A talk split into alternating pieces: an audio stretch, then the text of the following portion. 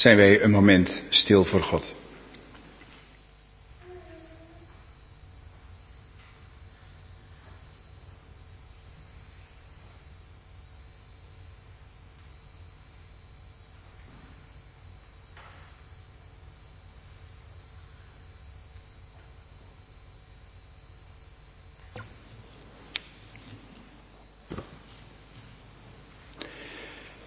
Onze hulp is in de naam van de Heere die de hemel en de aarde gemaakt heeft. Die trouw houdt tot in eeuwigheid en die nooit loslaat het werk van zijn handen. Amen. Genade zij u en vrede van God onze Vader en de Heer Jezus Christus in de gemeenschap van de Heilige Geest. Amen.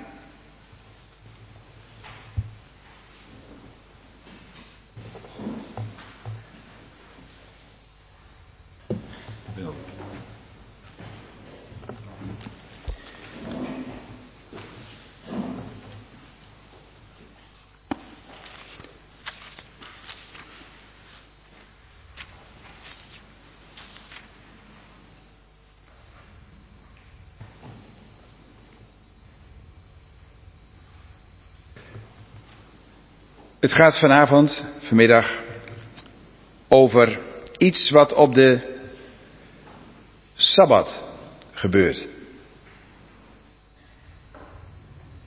Wij zouden zeggen op zondag.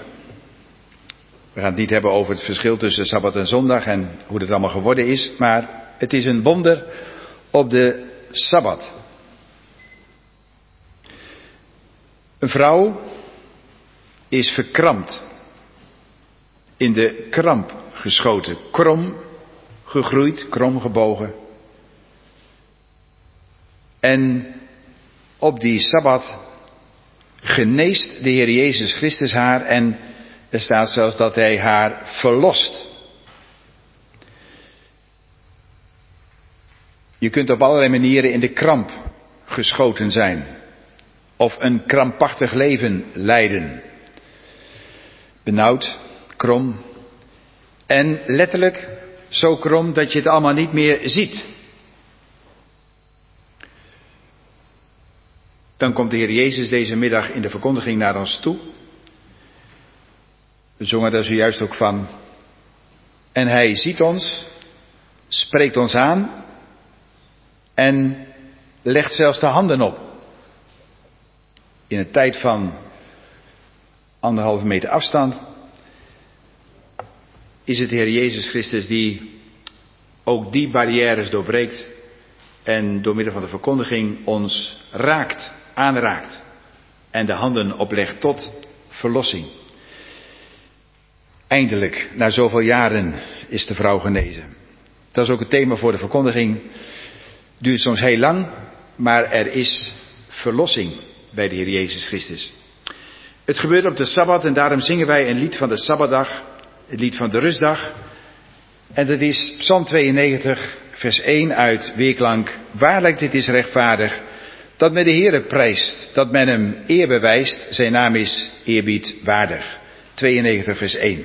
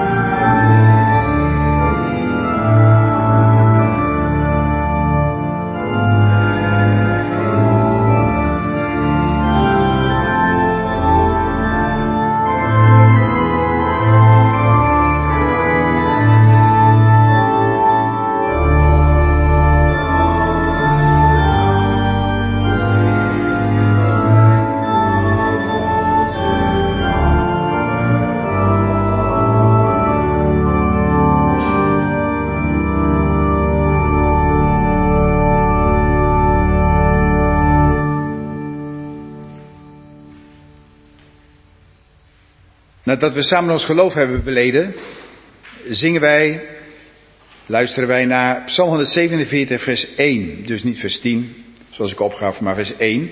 Laat Heere lof ten hemel reizen, hoe goed is het onze God te prijzen. Het betaamt, betaamt ons psalmen aan te heffen die lieflijk zijn en harten treffen. Psalm 147, vers 1.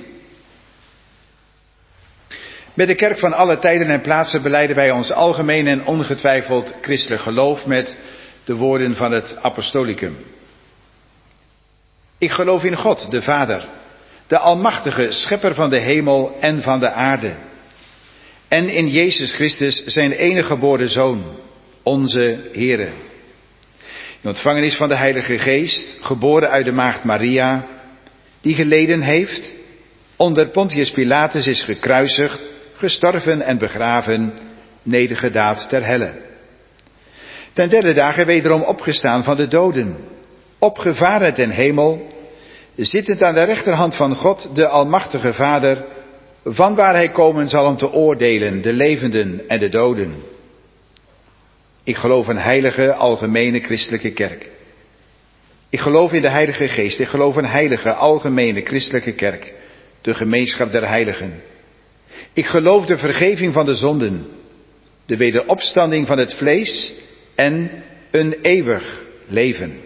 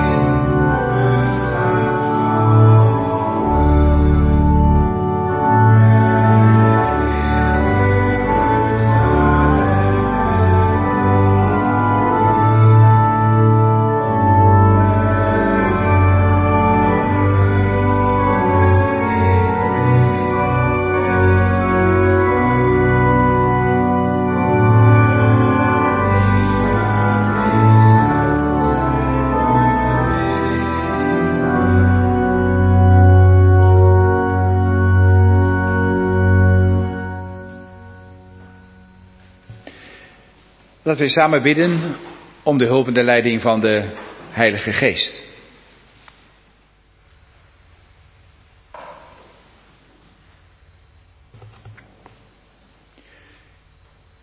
Heer onze God, hoe heerlijk is uw naam op de ganse aarde. Zo zingt Psalm 8 en zo zongen wij in ons lied. U komt ons, Heere, in Christus tegemoet. En u geeft ons verlossing door zijn bloed. U komt ons tegemoet op deze heerlijke zondag. Het schitterende weer van de voorbije weken tot in deze ogenblikken toe. Het warme weer. Het zeer warme weer. Het is geen verhindering voor u om toch tot ons te spreken. Leer ons zien dat uw naam heerlijk is. En leer ons ook vanavond zien dat u door uw woord en door uw geest in deze dienst tot ons komt. Zoals we hier zijn in deze kerk, zoals wij op de een of andere wijze meeluisteren, meekijken, nu of later, en deze dienst volgen. Het is niet zomaar aanwezig zijn of zomaar online volgen, maar u komt ons in Christus Als dan de zon hoog aan de hemel staat en de zomer op een hoogtepunt was en is, dan maakt dit alles dat u er bent en dat u naar ons toe komt het nog heerlijker. Samen in de stralen van de zon van de gerechtigheid. Tot genezing, tot redding. Maar misschien dat we het niet meer zien. Dat we te verkrampt leven. Dat we krom gegroeid zijn. Dat onze geest en ons lichaam zo vervormd zijn dat we het niet meer horen, dat we het niet meer zien, dat we het niet meer voelen, dat we het op geen enkele wijze ervaren en het ook niet meer geloven. Dan bent u weer machtig om in deze tijd van afstand ons aan te raken met uw geest. Leg ons de handen op en genees ons van welke krampachtigheid en kortzichtigheid en vormelijkheid en wetticistische geest dan ook. En vernieuwen in ons een nieuwe geest. Als u ons tegemoet treedt, doe ons u zien, ervaren. Uw zegen bovenal. Zo zijn we samen hier. Luisteren we thuis mee, kijken we mee en wachten wij op u. Wilt u door uw woord en geest krachtig aan ons, in ons werken, bij oud en jong, en geef ons een onvergetelijk moment. Dit bidden wij u in Jezus' naam. Amen.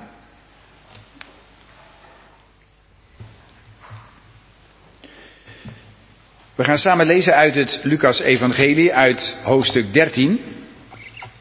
De geschiedenis van de krom gebogen vrouw die door de Heer Jezus op de Sabbat genezen wordt. Lucas 13, vanaf vers 10. We zeggen dan, we lezen uit de Bijbel, maar de Bijbel die leest eigenlijk ons. God zelf spreekt tot ons in dit woord en wij moeten ons door Hem laten lezen. Lucas 10, Lucas 13, vers 10. En Jezus gaf onderwijs op de Sabbat in een van de synagogen. En zie, was een vrouw die 18 jaar lang een geest had die haar ziek maakte. En ze was krom gebogen en kon zich in het geheel niet oprichten. En toen Jezus haar zag, riep hij haar bij zich en zei tegen haar, Vrouw, u bent verlost van uw ziekte. En hij legde de handen op haar en zij werd onmiddellijk weer opgericht en verheerlijkte God. En het hoofd van de synagoge, die verontwaardigd was dat Jezus op de Sabbat genas, antwoordde en zei tegen de menigte, er zijn zes dagen waarop men moet werken, kom dan daarop en laat u genezen, maar niet op de dag van de Sabbat. De Heere dan antwoordde hem en zei, huigelaar. Maakt niet ieder van u op de Sabbat zijn os of ezel van de voederbak los en leidt er weg om hem te laten drinken? En moest dan deze vrouw, die een dochter van Abraham is en die de Satan zie nu achter jaar gebonden had, niet losgemaakt worden van deze band op de dag van de Sabbat? En toen hij dit zei, stonden al zijn tegenstanders beschaamd en de hele menigte was blij om alle heerlijke dingen die door hem gebeurden. Tot zover het woord van God. Niet zomaar woorden, maar dit is het evangelie.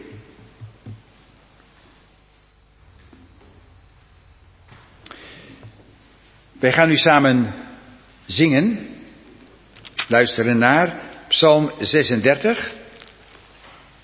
Een psalm die zingt van de overvloed. Uw goedheid, Heer, is hemelhoog. Uw waarheid tot de wolken boog.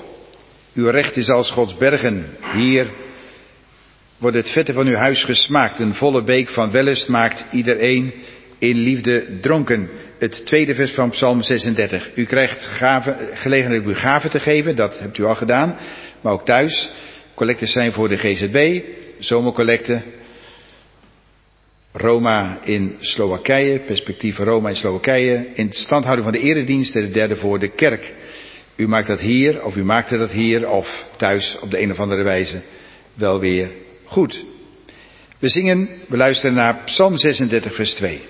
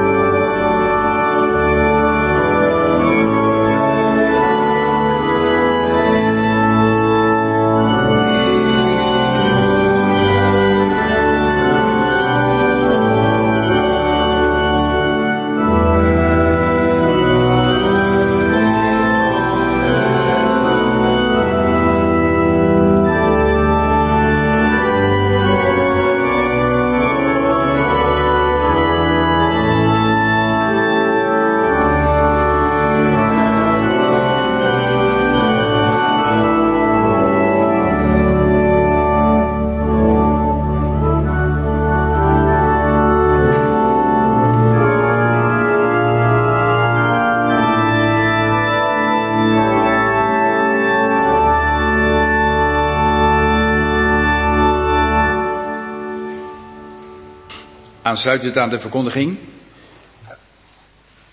zingen we het tweede vers van Psalm 147. Hij hield gebrokenen van hart en hij verbindt hen in hun smart.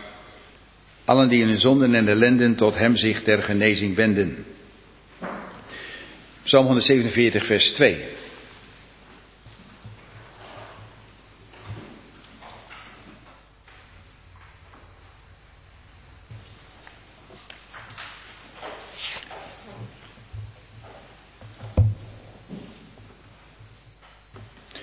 Gemeente van onze Heer Jezus Christus, van Hem die ons ziet en aanspreekt en zelfs de handen oplegt.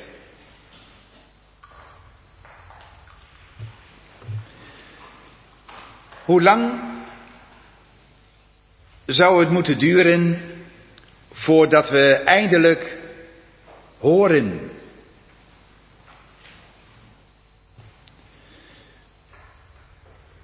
Als kind, in de opvoeding, moet je leren luisteren. En vader en moeder kunnen het soms, wij kunnen het soms al tien keer of nog veel vaker gezegd hebben, maar het dringt niet tot je door. Wanneer ga je nou eindelijk eens een keer luisteren? Nou, dat geldt niet alleen van kleine kinderen in de opvoeding, maar dat geldt van ons allen als gemeente. Hoe lang duurt het nog voordat we gaan horen? Wat moet er allemaal nog gebeuren? We leven in een chaotische wereld waar heel veel aan de hand is. Een aantal maanden is er nu de coronacrisis met alle dingen die erbij horen. Kort geleden ontplofte er iets verschrikkelijks in Beirut, halve stad in puin. En al jarenlang is er het vluchtelingenprobleem en dat is er iedere keer weer. Het is even naar de achtergrond, maar zo ineens kan het er zomaar weer zijn.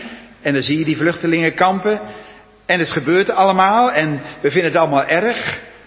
En we geven er wat voor en we doen er misschien wat voor. Maar wat moet er allemaal nog gebeuren voordat we als samenleving in de wereld, voordat we nu eindelijk eens een andere koers inslaan en luisteren naar datgene wat er echt aan de orde is en waar het om zou moeten gaan? Wat dichter bij huis als we denken aan de kerk, de gemeente. De crisis die er wereldwijd is en ook in ons land, die is er natuurlijk ook in de kerk. We zitten met z'n allen ook als gemeente in een crisistijd. Maar er was al jaar en dag dat er velen de kerk verlieten. Er was de kloof tussen generaties, wat vader en moeder zeiden, opa en oma deden. Dat wordt niet zomaar door kinderen of kleinkinderen overgenomen, want die generatie dacht anders dan de generatie daarna en de generatie van nu denkt nog weer anders. Er zijn die kloven, er is die afstand. Het is allemaal zo anders geworden. En als het gaat om de boodschap van de kerk en van de gemeente, in allerlei vormen, op de Bijbelkring, catechisatie in de kerk, dan is misschien de boodschap van de kerk niet meer zo relevant. En we zijn met z'n allen in deze tijd wat verlegen met het evangelie. Hoe moet je het nu in deze tijd zeggen? En heeft de kerk, heeft de gemeente, hebben wij nog echt wel een boodschap voor de moderne mensen van deze tijd? Anderen zijn van deze boodschap vervreemd, maar zelfs in ons bezig zijn in de kerk vervreemden wij ook van tradities en van de wortel en van de schrift. Wat moet er allemaal nog gebeuren voordat het doordringt in onze oren, in onze harten? Wanneer gaan we luisteren? Niet alleen dat kind, maar ook wij zelf als volwassenen, als ouderen. Er zijn allerlei roepstemmen. Er komt ziekte. Misschien is de ziekte weer afgewend. Er komt werkeloosheid of een andere tegenslag. Er vloeien om welke reden dan ook tranen. Je bent teleurgesteld. Er is een trauma. Er is pijn. Er is moeite. En dat gebeurde allemaal. En dat gebeurt allemaal. En het waren, zeiden we dan, of we dachten het. Of we wilden het niet horen. Het waren roepstemmen. Maar wanneer gaan we luisteren? Naar de stem van de levende God. Maar weet je wat we doen in die grote wereld waarin er een geweldige crisis gaande is wereldwijd? Van China tot Amerika. En in die kerk waar zoveel te doen was en zoveel scheef is en, en zoveel in onrust is en ons eigen leven waar zoveel nood is. Weet je wat we doen terwijl dat allemaal gaande was en gaande is en waarschijnlijk nog een poosje doorgaat? Sorteren wij vast voor op de tijd na corona. Als wij het ons weer kunnen veroorloven en permitteren dat we ja, weer wat ruimer in ons jasje zitten. Wat meer kunnen uitgeven, wat meer kunnen reizen, wat meer kunnen doen, weer kunnen ademhalen. Misschien ook wat meer vertrouwen hebben in gezondheid en zo. Wij sorteren nu al voor op de tijd daarna. Want dan kunnen we eindelijk weer ademhalen en weer doorgaan waar we in januari gebleven waren. Maar als de wereld wakker geschud wordt en er in de kerk op de een of andere manier telkens weer iets klinkt van let op. En ook in ons eigen leven er van die momenten zijn dat we stilgezet werden en worden. Waarom, waarom luisteren we dan niet? Wat duurt het toch lang voordat we horen? We zijn, we zijn zo verkrampt.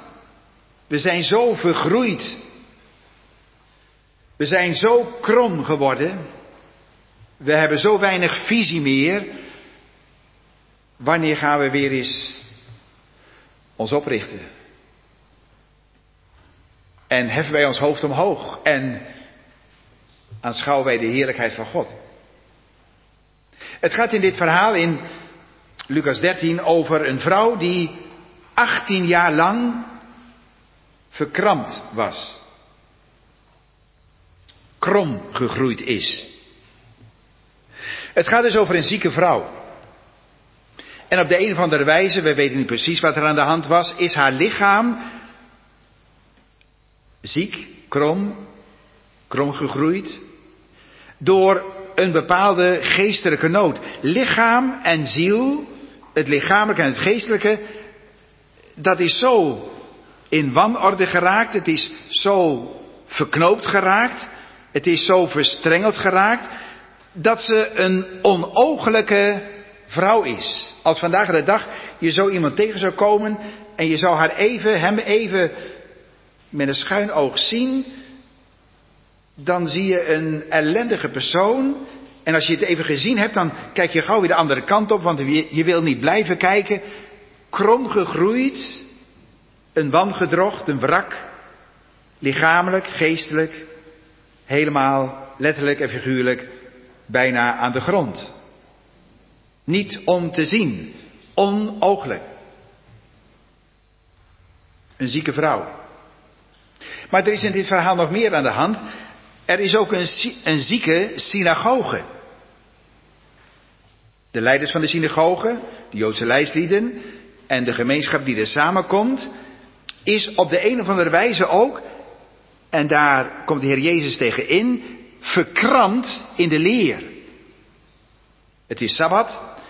En op de Sabbat houden zij aan mensen die daar komen voor dat men op de Sabbat de Sabbat moet houden. En er zijn regels voor en daar moet je aan houden. En als het gaat om gezondheid en ziekte, dan moet je niet op de Sabbat een zieke naar deze Jezus brengen, want het is toch Sabbat. De regels gaan boven alles. En zij in die zieke synagoge en, en de gemeenschap is eraan gewend geraakt, zien geen mensen meer in nood, zien alleen nog op de een of andere manier wet en regels. In een arrogante houding staan ze op de hoeken van de straten te bidden. En dit is hetgene ze verkondigen. Hun leer is ook een verkrampte leer.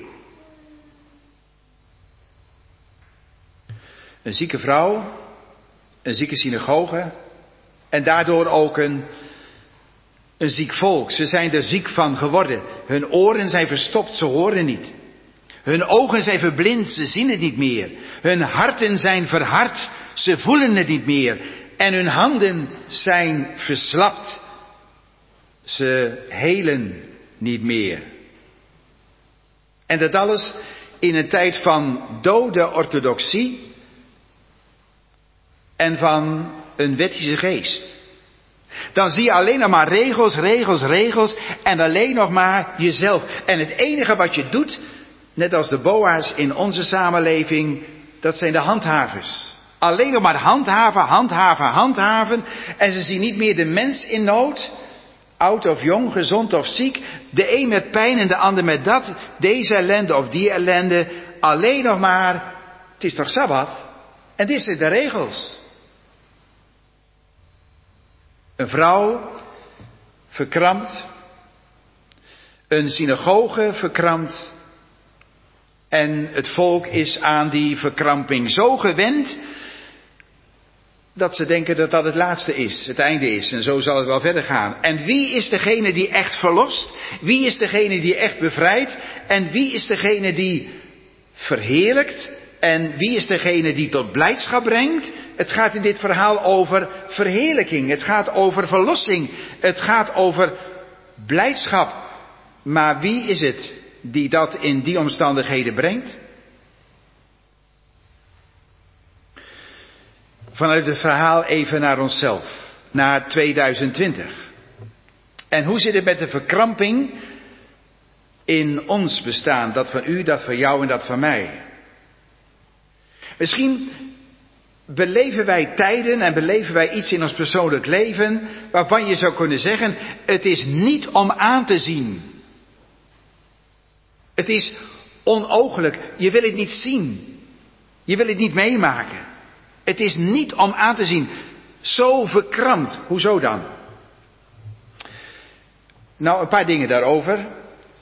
18 jaar was deze vrouw op deze wijze vergroeid. Haar lichaam met de geest.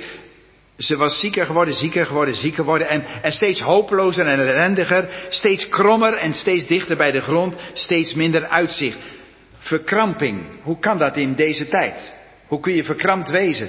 Nou, dat zou te maken kunnen hebben met onze achtergrond. Dat zou ook zomaar een vorm van verkramping teweeg kunnen brengen. Opgevoed in een bepaald milieu, in een bepaalde achtergrond, waar een bepaalde gewoontevorming was en waar men zei, het is zo en het is niet anders. En dit zijn de regels en daar hou je maar aan. En als je je daar niet aan houdt, dan hoor je er op de een of andere manier niet bij. En met heel veel woorden, met heel veel geweld van woorden en misschien ook wel letterlijk met geweld werden we gedwongen in een bepaald harnas, in een bepaald gedachteharnas te leven. En op een gegeven moment ga je daaraan wennen en dan denk je, ja, dat is de kerk en dat is het geloven, dat is de Bijbel en dat wil de Heere God van ons. Hij die heilig is en machtig is en alomtegenwoordig is. Zo zal het wel van ons willen, want dat zei opa al en dat zei oma ook. En mijn vader en mijn moeder zijn erin voorgegaan en zo zal het wel wezen. Maar Klinken er ook tonen van verlossing? Is er ook ergens iets van bevrijding? En is er ook ergens iets van verheerlijking en van blijdschap? Is er iets van verlossing? Nou ja, als je de mensen aankijkt, als je je dat herinnert, misschien uit eigen ondervinding, dan waren het zure gezichten. En dan was het een heel warang en naargeestig milieu.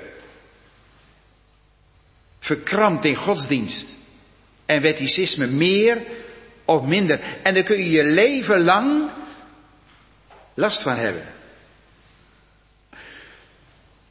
Verkramping in 2020.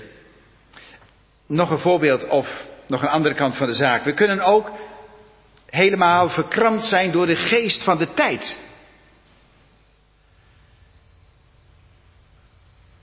de geest van de tijd reikt ons ook het een en ander aan. En wij worden in 2020, werden wij en we worden op allerlei manieren soms ook onder druk gezet. En we hebben allerlei dingen te doen. Er worden allerlei lasten op onze schouders gelegd. Want zo zal het wel moeten als kind en als student. En als je eenmaal werknemer bent. En als je eenmaal je leidinggevende moet gehoorzamen.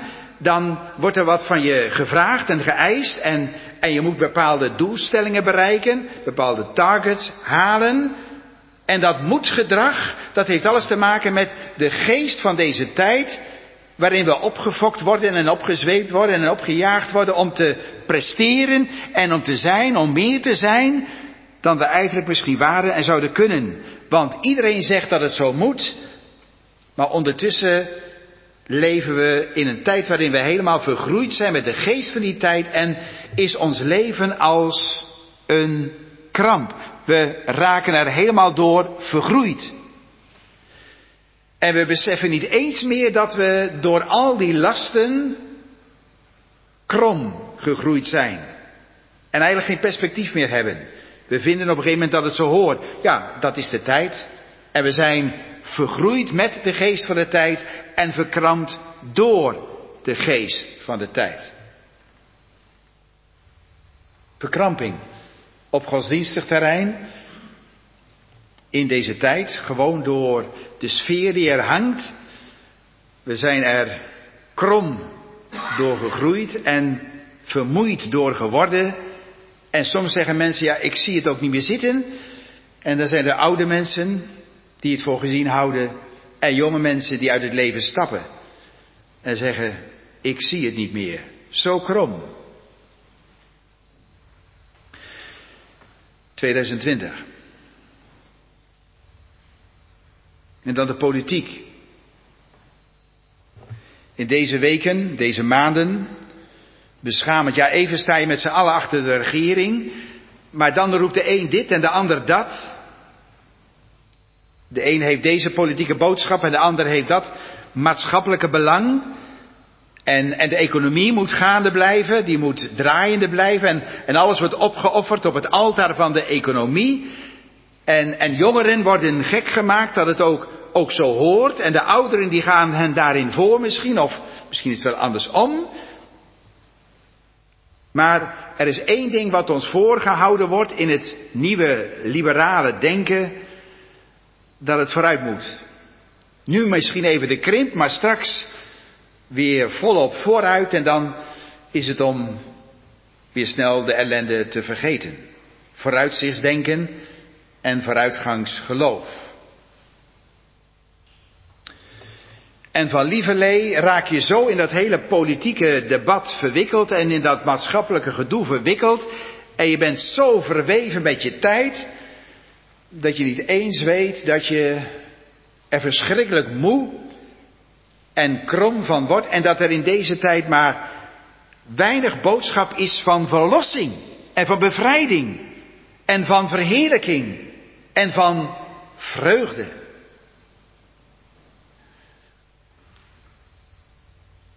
Je opvoeding, de geest van de tijd, of zelfs midden in de crisis, we leven met z'n allen in een kramp. En wie ziet het, wie ziet het nog zitten? Wie, wie verlost ons uit deze kramp?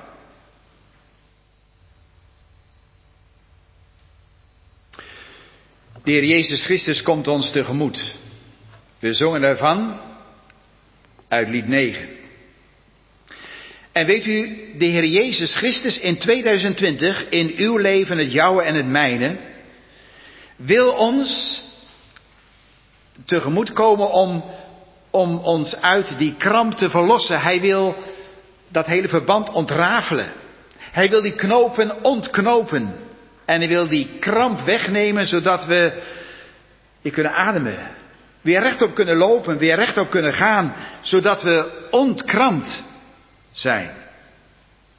Verlossing bij de Heer Jezus is dat Hij dat ingewikkelde patroon van onze opvoeding en dat ingewikkelde patroon van de tijd waarin we leven en dat ingewikkelde patroon van dat liberale denken, dat Hij, hij wil dat ontrafelen, Hij wil dat ontknopen. Hij wil ons daaruit verlossen, zodat we niet langer verkrampt zijn. En, en hoe doet Jezus dat dan? We moeten ons laten lezen door de Bijbel.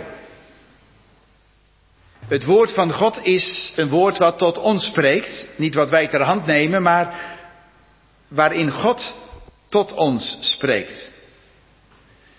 Hij communiceert met ons. Kijk, als je een probleem hebt met je dochter, of met je werkgever, of met een politicus, dan zeg je, we moeten eens praten. Een kopje koffie drinken of wat anders. En we gaan eens even praten, we gaan eens eventjes doorpraten, net zolang totdat we helder hebben waar het om ging en waar het om gaat en wat misschien toch de betere weg is. Dan ga je met iemand niet via de sociale media en misschien ook niet eens via de telefoon, maar je gaat gewoon face to face, van aangezicht tot aangezicht met iemand praten, want je wil communiceren, heel direct, en daardoor misschien een stap vooruit zetten. Nou, dat doet de Heer Jezus hier ook. Hij gaf onderwijs op de Sabbat in een van de synagogen en zie, er was een vrouw, 18 jaar ziek. Geest die haar ziek maakte, ze was kromgebogen, ze kon zich niet oprichten. En Jezus is in die synagoge en die ziet die vrouw. Niet alleen in een ooghoek. En niet zo dat hij vervolgens de andere kant op kijkt. Hij ziet ons vanmiddag in onze kramp. En hij kijkt niet de andere kant op. Maar hij kijkt ons aan. Toen Jezus haar zag, riep hij haar bij zich. Dat is communiceren. Niet wegkijken, maar iemand aanzien, iemand roepen. Hij spreekt haar toe. Riep hij haar bij zich en zei tegen de vrouw: U bent verlost van uw ziekte. Nou, dat gaat heel snel natuurlijk. Verlossing bij de Heer Jezus is altijd meer dan alleen maar ziekte. Het is ook het hart. Het is niet alleen de nood van haar lichaam, maar ook de nood van haar hart, van haar geest. Maar in ieder geval, hij spreekt woorden van verlossing. Vrouw, u bent verlost van uw ziekte. En met dat hij dat zegt, staat er, hij legt haar de handen op. En ze werd onmiddellijk opgericht en verheerlijkte God. Hij kijkt niet weg. Hij houdt daar ook niet op veilige afstand. Een aantal meters of anderhalve meter. Maar hij ziet haar, hij, hij roept haar tot zich en hij legt haar de handen op. En zo communiceert hij met haar. En dat op de Sabbat.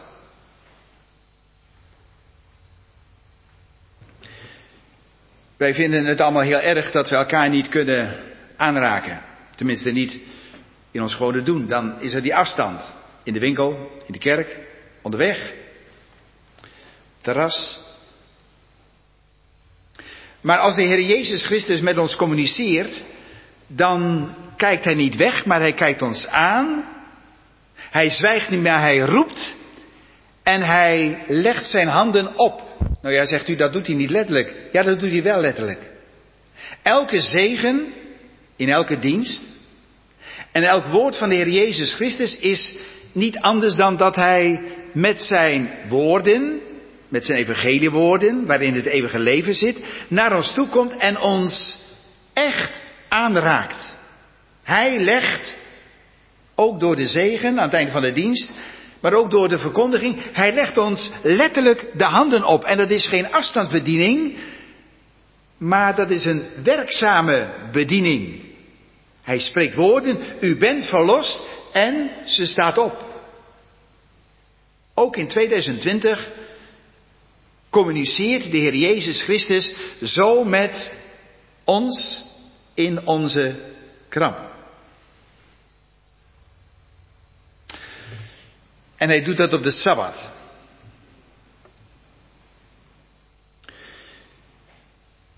Nou ja, er was niet zoveel van de Sabbat te beleven in die synagogen, zonder Jezus. Dat was wet op wet, regel op regel. Als de Heer Jezus Christus er niet bij is, dan is er niet zoveel te beleven aan blijdschap en verlossing en vreugde. Dan is er regel op regel en zo was het en zo is het en zo moet je je gedragen in de kerk en in de maatschappij. En je gaat jezelf ook die maat aanmeten en ja, zo zal het dan wel horen. En je komt op de een of andere manier vroeg of laat in een kramp, een kramphouding. En als dat niet verandert, dan blijft het zo. En als het niet verandert, dan heb je op de duur helemaal geen perspectief meer. Dan zie je alleen nog maar de grond. Maar op deze Sabbat, die iets heeft van de opstandingsdag, van de eerste dag van de week, zegt de Heer Jezus Christus, die van zichzelf getuigt, ik ben de opstanding en het leven. Hij spreekt zo dat de echte rust, de echte verlossing een feit wordt. Hij ontspant deze vrouw in zijn liefde. En hij roept deze vrouw tot vrijheid. Het gaat hem om die mens. Het gaat hem om die vrouw. Het ging hem Het ging hem om haar, het gaat, ons, het gaat hem nu om ons. Het is echt verlossing voor lichaam en voor geest. Hoe krijg je verlossing uit deze kramp? Of dat nu het verleden is, of de geest van de tijd, of welke gevangenis dan ook. Door de woorden van deze Heer Jezus Christus, die de opstanding is in het leven en die van de Sabbat, een dag van regels, een zondag maakt, een dag van verlossing. Hij is Heer van de Sabbat. En die dag is gegeven met het oog op de mens, tot redding en verlossing van u, voor jou en van mij.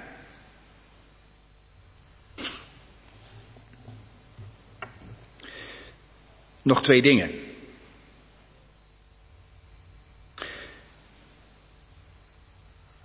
Wat geldt van deze vrouw? Verlossing, verheuging, blijdschap. Zou dat er ook zijn voor ons? Weet u, de Heer Jezus noemt haar in dit verhaal dochter van Abraham. Ja, dat was het. was natuurlijk een uit het volk, dochter van Abraham. Dochters, zonen van Abraham. Een kind van het verbond. Door de heilige doop zijn wij opgenomen in het verbond der genade. En als we nog niet gedoopt zijn, dan is de verkondiging van het evangelie voldoende om op de een of andere wijze ook ons aangesproken te weten als kinderen van Abraham. Die hij wil opnemen, die hij opgenomen heeft in zijn verbond.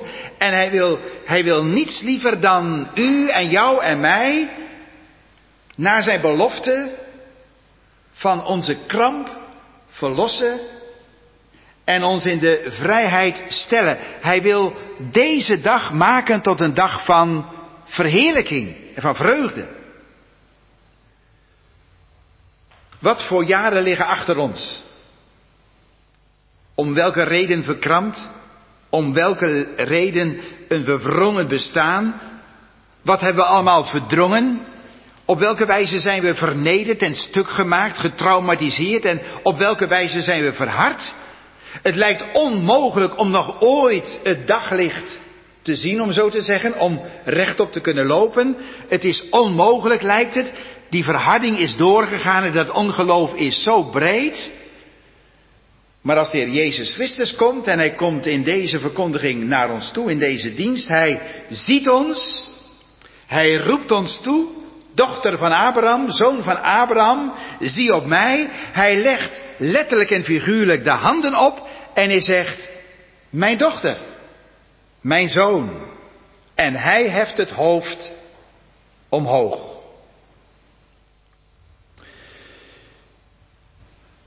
Dochters van Abraham, zonen van Abraham. Er is dus hoop en verwachting. En deze God spreekt op die wijze ons aan in zijn genade. En het laatste wat ik u zeggen wil is dit. Soms denken wij wel eens van ja, als het gaat over dat geloven, trek ik het niet allemaal naar mij toe. Je leest wat in de Bijbel, of je hoort wat in een preek, of je hoort wat in een Bijbelstudie en, en je beleeft wat. Je denkt, nou ja, dan zal het wel voor mij zijn. En, en met dat je het naar je toe trekt en denkt dat het voor jou is, en je zou ook kunnen zeggen, ik ben een kind van God. Val je jezelf weer in de reden, zeg ja, heb je jezelf niet wat wijs gemaakt? Heb je jezelf niet te veel toegeëigend?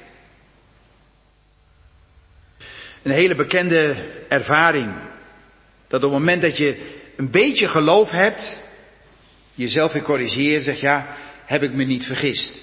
Heb ik me niet te veel wijsgemaakt en mezelf te veel toegeëigend? Nou, dat zou misschien zo kunnen zijn. Dat gevoel heb je in ieder geval. Maar weet u wie de Heer Jezus is? Hij zegt niet tegen ons, nou moet je jezelf oprichten. En dan moet je weer eens een beetje blij kijken. En dan moet je eens een beetje verheugen. En, en eens wat meer zorgen voor mijn heerlijkheid. En dan moet je eens wat aan de slag. En dan moet je dit en dan moet je dat. Hij zegt niet dat we ons van alles en nog wat moeten toe-eigenen. Maar hij zegt tegen die vrouw, deze dochter van Abraham is mijn dochter. Hij eigent zich zulke mensen toe. Zulke vrouwen, zulke mannen, toen. En vandaag, hij eigent zich mensen toe. En als hij dat doet, en als hij zegt, vrouw, u bent verlost, dan is ze ook verlost. En dan is ze ook gered. En misschien dat we de volgende dag niet meer kunnen geloven, maar wat hij gezegd heeft, dat was zo en het is zo en het blijft zo. En wat we vandaag vergeten zijn, wij vergeten zijn, dat is hij nooit vergeten. Hij heeft één keer gezegd, dit is een dochter van Abraham, dit is mijn dochter, dit is mijn zoon, dit is mijn kind. En wat hij gezegd heeft, wordt nooit meer overdaan gemaakt. En daarom is er verlossing, daarom is er vreugde, daarom is er blijdschap. Toen ik zojuist dit gedeelte nog weer een keer las, kwam ik dat woord weer tegen. Er staat huigelaar. Ik heb het woord nog niet gebruikt in de preek. Ik vind het ook zo'n akelig hard woord. En om nou iemand een huigelaar te noemen, of jezelf, of iemand te beschuldigen van hardheid en zo, van krampachtigheid en van eigen schuld, dat komt ons niet toe. Maar weet u, die mensen daar in de synagoge, die orthodoxe boa's, om zo te zeggen, de heer Jezus noemt hen huigelaars. Ze doen van alles en nog wat als het gaat om vee, maar als het gaat om een vrouw, dan hebben ze niets begrepen van het evangelie. Van de liefde, Oud Testament, Nieuw Testament, wat hij verkondigt. En hij noemt hen dan huigelaars. Hij noemt hen huigelaars. Wij moeten maar geen etiketten plakken. Maar misschien dat we zo verkrampt zijn en dat in stand willen houden, dat wij ook een huigelaar zijn. Nou, dan kijkt de Heer Jezus ook nu ons aan, hoe krom we ook zijn en hoe krampachtig we ook bezig zijn. En zegt, maar mijn dochter, maar mijn zoon, als je mij volgt, wordt het allemaal anders. Dan ben je verlost. Amen.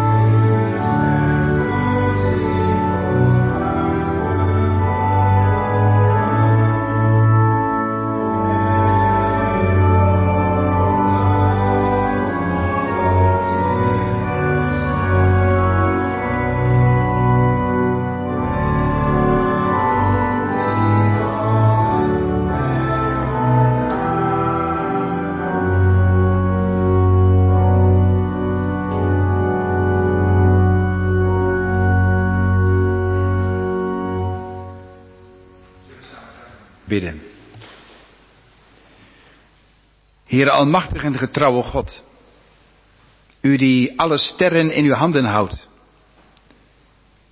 U kent ze, die miljarden, die miljarden sterrenstelsels kent u.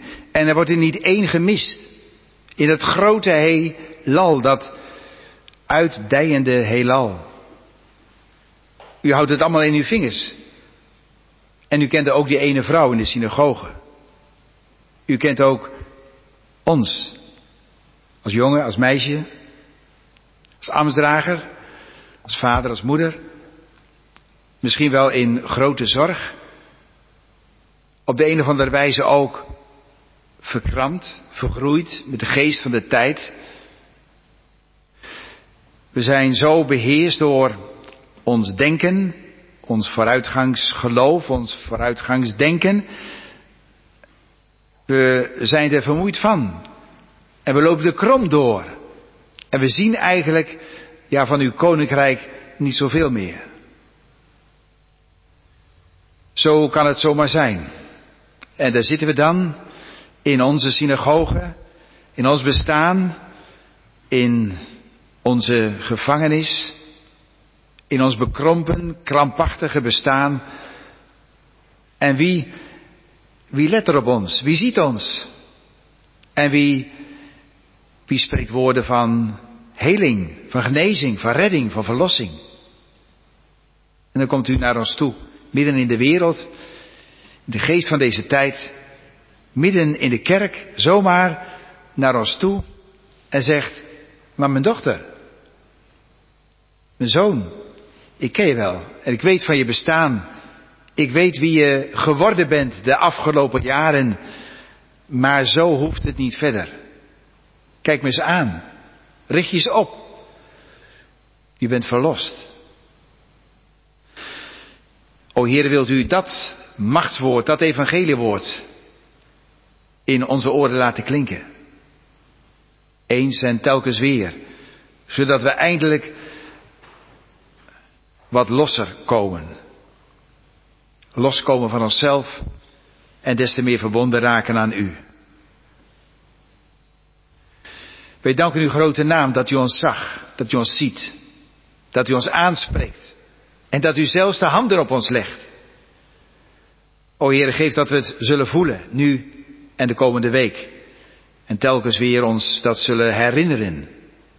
Sterk ons daardoor in het werk wat weer wacht. Misschien wel op school of in de kerk. Weer aan het werk. Het werk weer oppakken. Of misschien solliciteren. Nog veel onzekerheden. Maar wilt u met ons meegaan? Ook als er ziekte is en zorgen zijn, als er verdriet is. Als er niettemin ook een traumatisch verleden is. O Heere, geef verkwikking. Geef vertroosting.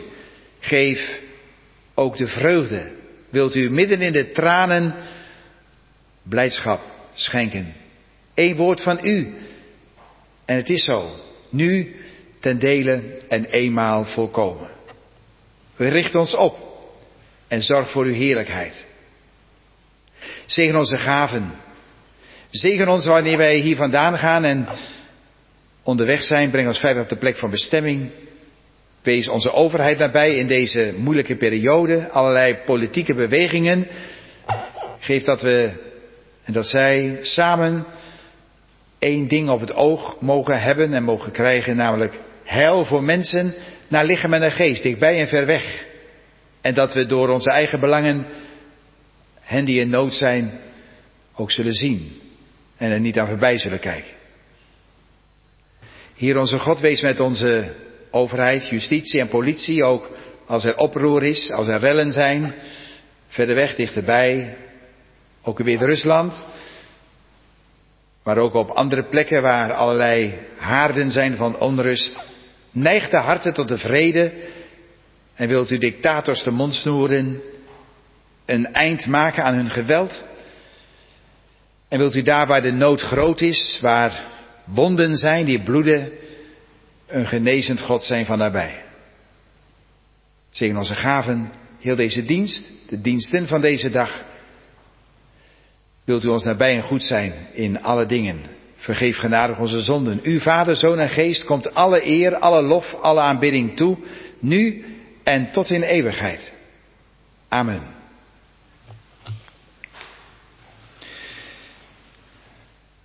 zaligheid die in dit leven Jacobs God ter hulpe heeft. Dat is ons laatste lied in deze dienst. Psalm 146, vers 3, derde couplet van Psalm 146.